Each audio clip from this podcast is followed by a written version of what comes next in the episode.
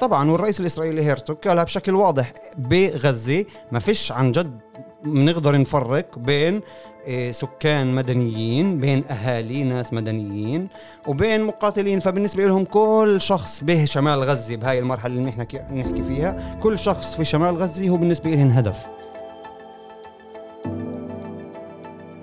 28 يوم من الحرب على قطاع غزة. هاي الحرب تخلينا نتساءل كثير أسئلة. بهاي الحلقة آه، راح أحاول أنا والزميل الصحفي في موقع رب 48 محمود مجادلي آه، نطرح هاي الأسئلة ونجاوب عليها. هاي الحلقة بدها تأخذ ثلاث محاور بالأساس. بالأول بدنا نحكي عن إسرائيل كيف بتنظر لهاي الحرب شو آه، توقعاتها منها وشو أهدافها شو الوضع القائم اليوم. بالمحور الثاني عن إسرائيل والموقف الدولي سواء الحليف لإلها وسواء اللي مش حليف أو المعادي لإلها. وبالمحور الثالث آه، إن استطعنا راح نتطرق أكثر للموقف الفلسطيني الفلسطيني أو مصير شعبنا الفلسطيني وقضيته بعد هاي الحرب. مرحبا محمود. أهلا طارق أهلا عزيز. طيب هيك زي ما حكيت بالمقدمة وهيك صار لنا نعمل أنا وياك محادثة قبل. إسرائيل بعد 28 يوم من هاي الحرب آه، شو بدها؟ حطت لها أهداف. شو الوضع القائم اليوم؟ طيب إحنا بنقدر نحكي عن أو نأطر المشهد الإسرائيلي ب عمليا باللي قاعد بصير على المستوى الدبلوماسي والسياسي وكل إشي له علاقة في كسب شرعية ومحافظة على شرعية في الحرب والأشياء الداخلية اللي لها علاقة في تطور ال ال العمليات العسكرية في قطاع غزة. إيه، في إسرائيل واضح أنه على صعيد شعبي جماهيري. على صعيد إعلامي على صعيد سياسي وعلى صعيد عسكري كذلك. واضح أنه في إجماع حاليا. إحنا بنحكي حاليا عن مرحلة لا يزال فيها إجماع إسرائيلي على مواصلة الحرب. على مواصلة الحرب قدر الإمكان وقطع مسافة نحو تحديد الأهداف المعلنة. إيه، طبعا في نقاش على واقعية إيه، ومدى موضوعية هاي الأهداف المعلنة ومدى إمكانية تحقيقها. الأهداف المعلنة إن كان على أول شيء الهدف الأساسي اللي أنا بشوفه معلن بغض النظر عن تصريحات المسؤولين الإسرائيليين إن كان سياسيين أو عسكريين الهدف الأساسي إيه، اللي تم الإعلان عنه بأكثر من صيغة بأكثر من طريقة. بس هو واضح أنه إنهاء حكم حماس في غزة إنهاء فصيل حماس كونه آه، فصيل عنده شق سياسي وشق عسكري جناح عسكري إنهاء قدراته السياسية بإنه يحكم ويواصل الحكم والسلطه في غزة وإنهاء قدراته العسكرية. طبعا إيه هذا هدف هدف اللي حاطينه. بس النقاش الإسرائيلي اللي بلش يظهر اليوم إنه ما مدى واقعية تحقيق هذا الهدف ب 100% طبعا يعني هو نقاش واسع. يعني بتقدر تستفيض فيه أنت على الصعيد الإسرائيلي. استفاضوا فيه هل ممكن إنهاء فصيل فصيل أيديولوجي بدرجة أولى يعتمد على عقيدة أيديولوجية وعقيدة إسلامية وعقيدة دينية له أبعاد وطنية وكمان له أبعاد أيديولوجية؟ هل بالإمكان فعلا إنهاء فكرة؟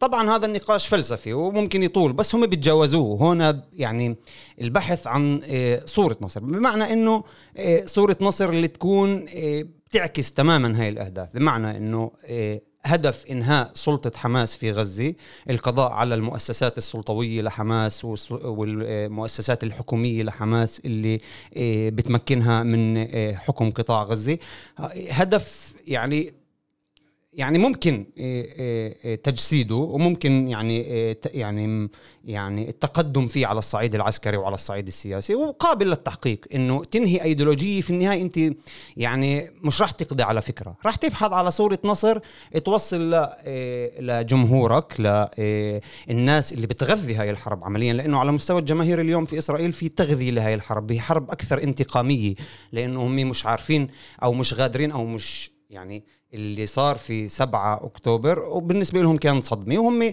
بجزء تجاوزوا مرحلة الصدمة على صعيد اتخاذ القرار ولو إنه في ضبابية لإنه في ضبط أمريكي لاتخاذ عملية اتخاذ القرار الإسرائيلية.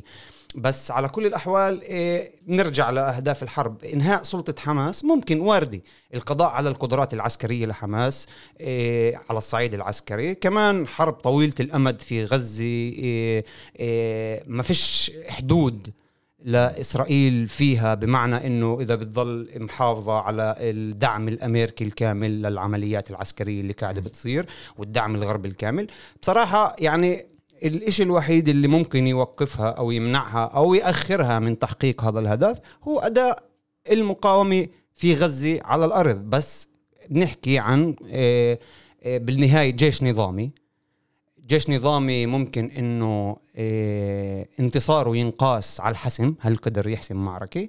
في المقابل بتحكي عن فصيل مقاومة اللي الانتصار تاعه أو الفوز تاعه ممكن يترجم بقديش عنده القدرة إنه يأخر الحسم أو يمنع حسم عسكري من الطرف الآخر. فواضح إنه إسرائيل عندها عازمة على الصعيد القرار السياسي وعلى الصعيد القرار العسكري والروح العسكرية اللي عم تنبث. بالمجتمع كله مش بس بصفوف الجيش إنهم هم بدهم يواصلوا. لوين بدهم يواصلوا؟ بدهم يواصلوا بدهم ينهوا حكم حكم حماس السلطوي في غزة. بدهم يدمروا قديش أكثر من آه، من قدرات المقاومة. وياخذوا صورة نصر بمعنى بجوز إنهم يكتفوا بإنهم يعني يعني يحققوا ضربات قوية وموجعة وطويلة الأمد للقدرات العسكرية للمقاومة. مع صورة اغتيال أو اثنين لقيادة المقاومة وبهاي يسوقوا صورة نصر فواردة بس السؤال لوين رايحين؟ يعني ممكن يعطي حالهم مجال يروحوا بعيد عسكريا. واضح إنهم ما فيش عندهم أي ليميت التحديات الموجودة عندهم أغلبها تحديات داخلية. قديش هن مستعدين يدفعوا ثمن لأنه العمليات العسكرية جوا غزة. تماما. هي هاي النقطة اللي لسه بدي اتطرق لها كنت إنه حكينا عن الهدف حكينا عن الإجماع الإسرائيلي حول هذا الهدف. بدنا نحكي بعد 28 يوم من الحرب. قديش يعني شو مدى سعة الامتصاص تبعت الخسائر تبعت الاستنزاف تبعت القدرة على التحمل على إدارة الحرب؟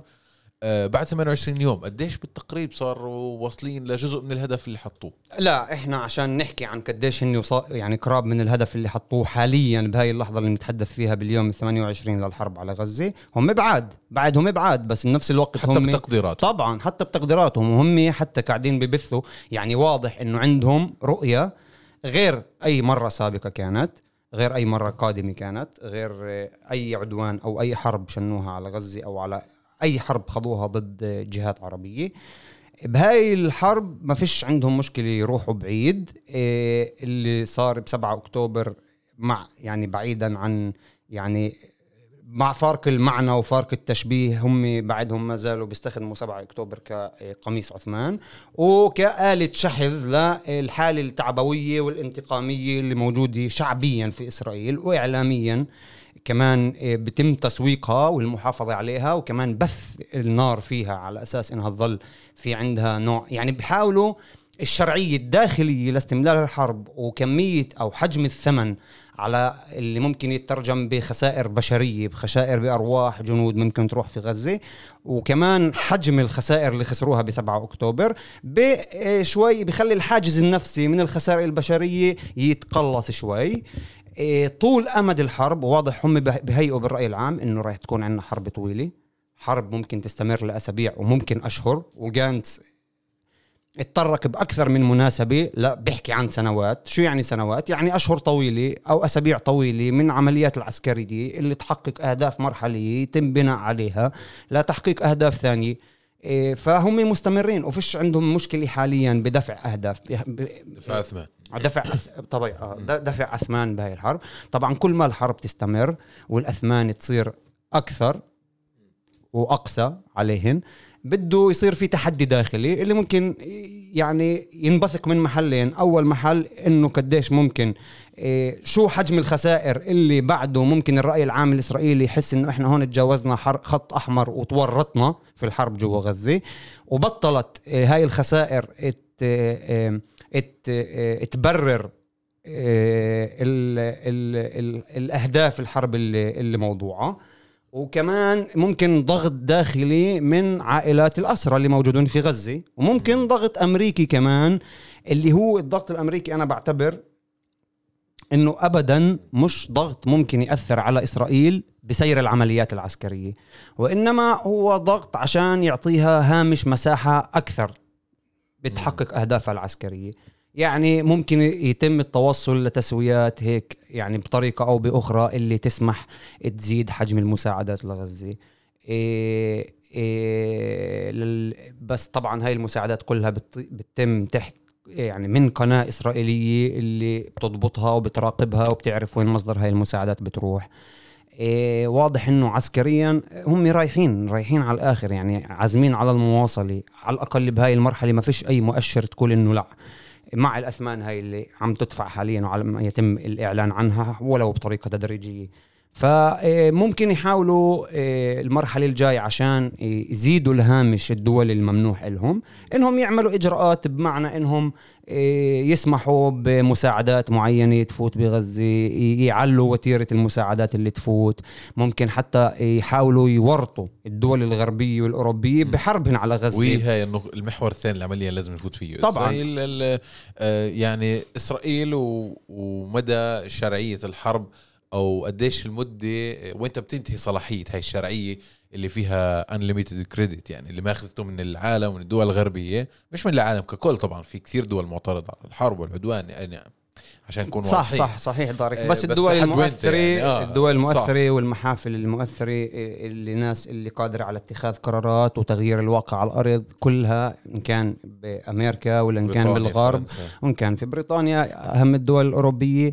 شايف معطية شرعية لعدوان إسرائيل على غزة وبالعكس قاعدة بتأخذ إجراءات سياسية جوا هاي الدول قوانين داخلية إنها تدين حركة حماس إنها تخرجها عن القانون إنها تعتبرها إرهابية إنها تجرم العالم العمل الفلسطيني. وإنها ترفع من سقف تعريف معاداة السامية على أساس إنه أي معاداة للصهيونية ولاسرائيل ولجرائمها على قطاع غزة وكذا يعتبر معاداة للسامية وبالتالي تكميم الأفواه الفلسطيني على مستوى دولي وعالمي. وهي خطوة يعني يعني غريبة يعني بمعنى إنه غير مسبوقة. هذا الهجوم حتى الإعلامي وتبني وتبني الرواية الإسرائيلية بدون حتى إنك تتجرأ إنك تطرح آه، آه، تساؤلات حول حقيقة هاي الرواية ومدى مصداقيتها. إيه، على الصعيد الدولي هذا إشي غريب وغير مسبوق بس كمان في الشارع وكديش ممكن هذا الشارع يضغط يضغط على حكوماته وكديش آه. الشارع هذا ممكن إيه، تحس إنه الشارع أو الرأي العام الأوروبي يمكن أو على الأقل بأمريكا يعني مخالف يعني أو على النقيض من المواقف الرسمية يعني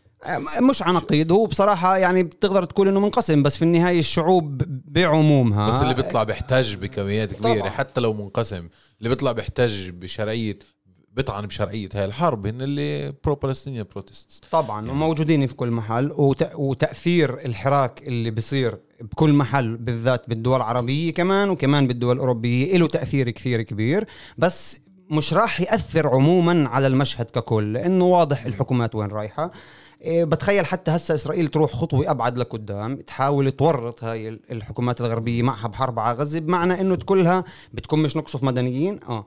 واضح إنه برضه بإسرائيل هاي النقطة كمان مهمة نشير لها ما فيش تمييز بين مدنيين وغير مدنيين مقاتلين وغير مقاتلين. وهذا على الصعيد الرسمي الإسرائيلي وإن كان المتحدث العسكري مرات بيحاول يعني يدور حوالين النقطة بمعنى أنه إحنا بنحاول نحذر بنحاول كذا ولا نستهدف المدنيين بشكل مباشر. بس الإعلام الإسرائيلي والمسؤولين الإسرائيليين من أكبر مسؤول لحد أصغر مسؤول. طبعا والرئيس الإسرائيلي هيرتوك قالها بشكل واضح بغزة ما فيش عن جد بنقدر نفرق بين سكان مدنيين بين أهالي ناس مدنيين وبين مقاتلين. فبالنسبة لهم كل شخص به شمال غزة بهاي المرحلة اللي نحن نحكي فيها كل شخص في شمال غزة هو بالنسبة لهم هدف. فإسرائيل أنا حسب رأيي المرحلة الجاي بدها فكيف ممكن تورط الدول الغربية؟ بكل بساطة إنه كلهم إنه عندكم مشكلة مع الاستهداف المدنيين والاستهداف المتواصل للمدنيين تعالوا تحركوا اعملوا إغاثة في غزة. ممكن تستغل الوضع بإنه تزيد الضغط على الدول الأوروبية انهم تج... بمرحلة أولى تجلب بجوز مستشفيات عائمة على آه، آه، قريبة على قطاع غزة تنقل إليها المصابين. ممكن يصير في المرحلة الجاي عملية تدريجية لإخلاء المستشفيات من ثم استهدافها واضح إنه الخطة العسكرية الإسرائيلية حاليا آه، السيطرة على محاور مركزية في شمال قطاع غزة لتطويق المدينة ومحاولة لخنق المقاومة. فهي معنية المرحلة الجاي تقطع أي إمدادات عن شمال قطاع غزة وتعمل حالة تمايز بين الشمال والجنوب. آه، آه، تسمح بمساعدات للجنوب اللي تعطيها هامش إنه تكمل عملياتها العسكرية في الشمال وثم الانتقال لمرحلة ثانية. ممكن تورط الدول الأجنبية الغربية بإنه في مرحلة أولى تطلب منها تأخذ مساعدات تستقبل لاجئين تستقبل. عم عم نرجع نسمع بالخطاب الإسرائيلي حكي عن ترانسفير حكي عن تهجير بأشكال مختلفة إن كان كلاجئين إيه، إيه، مرضى يروحوا يتعالجوا برا إيه، على عن كمان مصر لها دور كبير بسياق حتى هذا السياق العام. حتى محمود سمعت بلينكن تصريح له من يومين بقول إحنا شوف هالمصطلح لا ندعم التوطين الدائم بمعنى إنه آه، التوطين المؤقت أو التهجير المؤقت هو هذا يعني واضح إنه هذا المدخل اللي الإدارة الأمريكية قاعد يعني شفنا هذا الفيلم قبل آه طبعا يعني. طبعا طبعا. يعني للأسف الشديد المنظر العام للي المشهد العام للي بنتعرض له على كل الأصعدة على كل حال لأنه الحرب مش بس على غزة في حرب آه، كم أفواه وملاحقة سياسية في الداخل في حرب متواصلة في الضفة الغربية الحرب المعلنة والساحة الرئيسية للحرب هي في قطاع غزة. بس عمليا الحرب اللي عم بتشنها إسرائيل حاليا هي على الكل الفلسطيني. الفلسطيني. على الكل الفلسطيني. وللأسف المشاهد اللي عم بنشوفها والوقائع الوقائع اللي عم بنمر فيها والمجازر والجرائم عم بتخلينا نحس للأسف الشديد آه، وكأنه عم بنعيش نكبة ثانية بس بال بسنة 2023 وهذا إشي يعني يكاد لا يتصور عقل.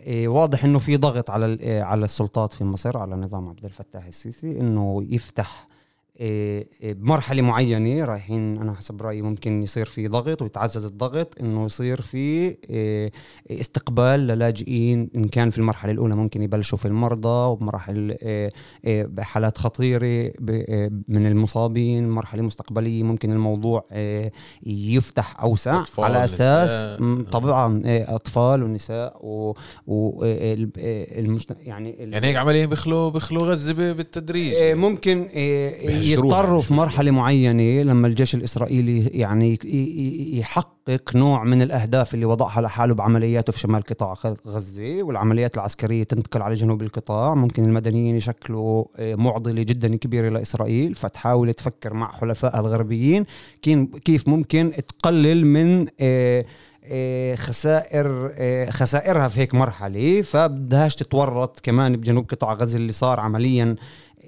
أكثر من 80% من من أهل القطاع كلياتهم صاروا متكتسين كلياتهم في الجنوب. فممكن الشريحة المدنية اللي هي إيه، اللي هي طبعا كل جنوب قطاع غزة حاليا ممكن في المرحلة المستقبلية يعتبروه معضلة لهم ويفكروا بحلول اللي عم بيطرحوها هسه بوسائل الإعلام هم بيناقشوها سياسية هم بيناقشوها يعني الأصوات عم ترجع تنسمع حتى على صعيد تهجير وموجات لجوء ولاجئين وعم بيحكوا بترانسفير. ف إيه وكمان يعني حتى جغرافيا إذا بدك تنظر لغزة محمود يعني فكرة أو خطة المقص اللي كنا نسمع عنها ب يعني بقصص التهجير بالنكبة مثل حيفا ويافا اللي عمليا القوات المسلحة أو جيش الاحتلال لما بيطوق المنطقة من ثلاث أطراف وبيبقي طرف واحد مفتوح اللي هو رفح بهاي الحالة غزة بالجنوب فعمليا إذا بتطوق هذا الشعب بالنار ممكن أنت فعلا تحقق هذا التغيير صحيح صحيح. غير قرار سياسي حتى. صحيح وممكن هذا الإشي يدفع آه، السلطات الأمريكية اداره بايدن تضغط على النظام في مصر آه، يفتح, يفتح ما يعني ما سيسمى بممرات إنسانية لا يعطى آه. مجال لإخلاء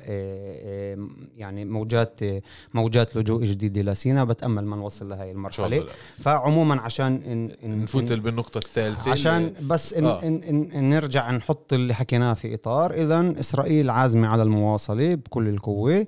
إيه عندها يعني عندها مشاكل هي حاسة إنه ممكن تواجه مشاكل على الصعيد الشرعيه الدولية. بتحاول تلاقي يعني تحاول تلاقي أكثر من مخرج لها بأكثر صياغ إن كان بتوريط الغرب إن كان في إيه إيه إنه تواصل حملة الاستعطاف من إنها تبث مشاهد من اللي صار بسبعة عشرة وعلى صعيد الدعاية اللي بتحاول تروج لها في العالم وترسخها في العالم. بس على كل حال إيه، يعني الهدف المعلن في حقيقته غير قابل للتحقيق لأنه إذا أنت بتحكي عن إنهاء قدرات عسكرية لحركة حماس وإنهاء حركة حماس ك كحكم بس في النهاية هذا يعني إذا بتحطه في إطاره المنطقي هذا لا يمنع لا يمنع في حقيقة الأمر أنه يتكرر مشهد 17 حتى بالنسبة لإسرائيل لأنه هنا في شعب تحت حصار إيه بقى لأكثر من 75 سنة إحنا بنحكيش عن سبعة عشرة أجا من فراغ بنحكي عن شعب عايش تحت احتلال تحت نظام أبرتهايد فصل عنصري بشكل يومي في إيه جرائم من كان من المستوطنين إن كان من الجيش فحركات يعني فالمقاومة الفلسطينية يعني كفكرة وكوجود مش رايحة تنتهي يعني. فهذا الحكي ال ال ال الهدف- طالما في احتلال طالما. في احتلال بطبيعة الحال. فهذا الهدف غير قابل للتحقيق عمليا. بس ع- على كل حال إيه إيه تحقيقه شكليا بمعنى ضرب حركة حماس وإنهاء إيه، قدرتها العسكرية وقدرتها على الحكم في قطاع غزة هذا إسرائيل ناوي تروح فيه على الآخر. واضح إنه ناوي تروح فيه على الآخر.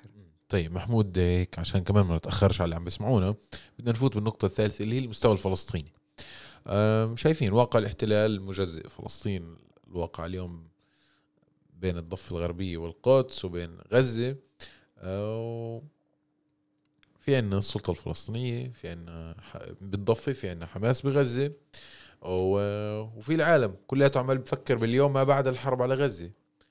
حتى جزء من الفلسطينيين محمود يعني هن جزء من هذا النقاش حتى يعني إنه إنه تعال نشوف. يعني حتى حماس يمكن هني بتصريحه كان إنه بدنا ندفع نحو مسار سياسي بمعنى إنه بعد الحرب آه، نحرر الأسرى نرجع لكم الرهائن والأسرى نوقف العدوان نبني غزة آه، ومن ثم مسار سياسي. فبهذا المعنى في في يوم ما بعد الحرب شو النقاش أو شو يعني وين واقف الموضوع؟ إذا في مفاوضات عليه طلع هو. إحنا يعني إحنا ممكن نروح لمحل نحكي عن يوم بعد الحرب لأنه لو شو صار في حسم عسكري على الأرض أو ما صار القضية الفلسطينية موجودة بتطرح حالها وبقوة ما ما يعني لو شو ما يصير في غزة هسه نتيجة الحرب شو ما يصير تغييرات على الأرض هذا يعني لا ينفي وجود قضية فلسطينية لازمها حل والحل لازم يكون سياسي ولازم يكون نهائي. والحسم العسكري شو ما يكون في غزة شكله وطبيعته ف إيه، بنفيش وجود فلسطين قضية فلسطينية قائمة ومتشعبه فلسطيني. كمان. آه وجود الشعب الفلسطيني. طبعا آه، المشهد معقد المشهد جدا معقد لأنه التطورات الميدانية وتطورات الأشياء اللي ممكن تصير على الأرض آه، في غزة ممكن آه، تأثر كثير في المشهد وكيف ممكن المشهد يتكامل. ال- الوضع بالضفة رايح لتصعيد واضح إنه رايح لتصعيد من جهتين لأنه اللي بيصير في غزة يعني قديش الواحد ممكن يعني يعني يمتصه كشعب صحيح. فلسطيني قديش ممكن يمتصه قديش م... طبعا غير الشارع اللي اللي بتخيل إنه يعني يعني ممكن يكون قاعد بوصل على حافة الانفجار كمان آه، يعني المستوطنين وسياسات الاحتلال عم بتغذي هذا الإشي إن كان سياسات سياسات على صعيد الوزارات. يعني هسه سموتريتش بيحكي لك إنه شايف إنه السلطة الفلسطينية لم تدين إرهاب حماس فهو قرر إنه يقطع أموال المقاصة. عن الشعب الفلسطيني عن السلطة الفلسطينية. بنفس الوقت بفكروا باليوم اللي اللي بعد حماس في غزة ولازم السلطة الفلسطينية تمسك بس السلطة الفلسطينية بالنسبة لنا هي مش شريك وإحنا كل السياسات اللي مارسناها كحكومات إسرائيلية آخر 20 سنة كانت إضعاف السلطة الفلسطينية وتوريطها بمشاكل داخلية مع المجتمع الفلسطيني نفسه. ف مش إيه، حل يعني أو مش فالوضع في الضفة ممكن كمان يتأثر في هسه كل المعطيات الموجودة إيه، إيه، والساحات الموجودة إن كان الساحة الشمالية إيه، جنوب لبنان ولا إن كان الوضع في الضفة ولا إن كان الوضع على الصعيد الفلسطيني ككل هو راح يتأثر ويأثر في الحرب اللي دائرة في غزة والتطورات هي مفتوحة على كل الأصعدة كمان. طيب محمود قبل ما ننهي هيك بنقطة أخيرة الإسرائيلية بيحكوا على حرب متعددة الجبهات وإنه إحنا اوريدي بهاي الحرب. وفي ناس تقييماتها بتكون إشي أقل من إشي إنه لا إحنا ب- بلب هاي المعركة إحنا بعدنا مش فايتين على حرب متعددة الجبهات. لكن في الجبهة الأكثر يعني الأكثر بروزا بعد غزة هاي الحرب هي الجبهة الشمالية بفلسطين مع لبنان جنوب لبنان اللي كل يوم في ترقب وفي انتظار وفي تفكير وفي قلق حتى من الجانب اللبناني وحتى من الجانب الإسرائيلي يعني. ودوليا كمان بنظر لهاي الساحة. آه، بتقديرنا يعني كيف آه، عمليا اللي ساوته الحرب الأخيرة على قطاع غزة اللي بعد عملية 7 أكتوبر اللي كل اللي قاعد يصير إنه قواعد الاشتباك في الساحة الشمالية عم تتغير تتغيرش بطريقة آه، دراماتيكية اللي بصير إنه الحد ال- ال- الحد اللي الخط الأحمر اللي بعديه ممكن نشوف انفجار وحرب كاملة عم بيعلى وأنا برأيي عم بيعلى هذا الخط الأحمر لأنه الطرفين مش معنيين يفوتوا على مواجهة كاملة. إيه، حزب الله اليوم إيه، كيان سياسي وكيان عسكري في المنطقة له إيه، مصالح وأي قرار بيتخذه بهذا السياق يكون مرتبط بما بمصالحه اللي هي مصالح معقدة مرتبطة في المنطقة ككل مرتبطة في الوضع في سوريا مر- مرتبطة في إيه، آه، في النظام الحليف تاعه في النظام الإيراني وفي الرؤية الإيرانية والتحركات التحركات الإيرانية في المنطقة. فالمشهد معقد اللي بنقدر نستنتجه حاليا إنه السقف آه، أو الخط الأحمر اللي بعده ممكن يصير انفجار كل ما عباله بيرتفع ممكن إنه عم بيرتفع لأنه الطرفين مش معنيين يفوتن بحرب مباشرة. بس كمان في كثير حسابات وكثير ألعاب بالمن... لاعبين في المنطقة ممكن يأثروا على المشهد. فحاليا أنا بقدر إنه التصعيد رح يصير. كل ما التصعي... كل ما العمليات ال- البرية والاجتياح والغزو والتوغل بصير أكبر في قطاع غزة وكل ما إيه، إيه، إسرائيل بتح... يعني بتحقق إيه، نقاط أو بتسيطر على نقاط اللي بتكون نقاط ارتكاز لها في المحاور الشمالية في قطاع غزة وبتطوق مدينة غزة وبتحاول تخنق المقاومة داخل نقاط قوتها في مدينة غزة.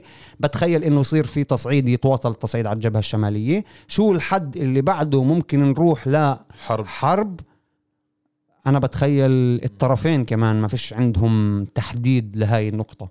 الموقف العربي الموقف العربي الدولي قديش ممكن يلعب دور بهاي الحرب ما للأسف بعد الحرب؟ إنه تعودنا نحكي خلال كل عدوان وبعد كل عدوان وخلال كل حرب وبعد كل حرب إنه الموق... الموقف العربي على صعيد الدول على صعيد السيادة العربية على صعيد الدول اللي متخذين القرار. موقف هزيل بكل معنى الكلمة. إيه، موقف متلكئ موقف بطيء موقف بقدر يكون أحسن.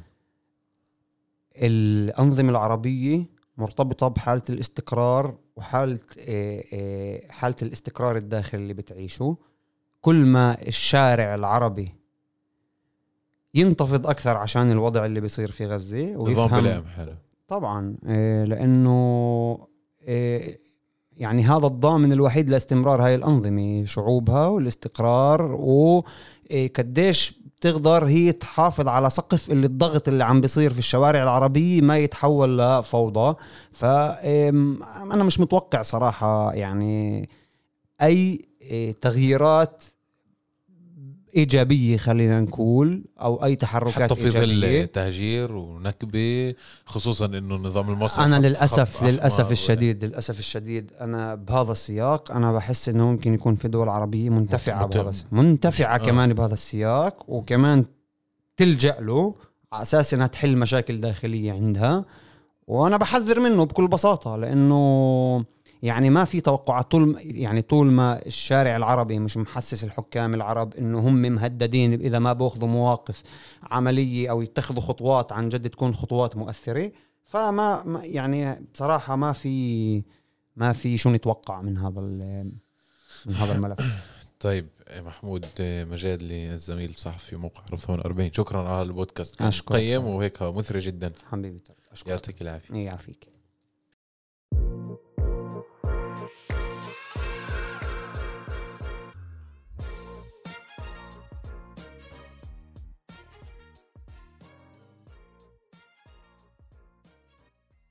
طيب أعزائنا المستمعين هيك بنكون وصلنا لنهاية حلقتنا من بودكاست الأسبوع في عرب 48 بدي أطلب منكم طلب اللي لسه ما عمل لناش متابعة على منصات البودكاست المختلفة Spotify Google Podcast Apple Podcast تنسوش تعملوا لنا متابعة اسا اعملوا لنا متابعة كثير بيساعدنا تنسوش تبعثوا لنا مقترحاتكم وملاحظاتكم على الحلقات السابقة وعلى مقترحات لحلقات قادمة. وللاسبوع القادم لقاء آخر. يعطيكم العافية.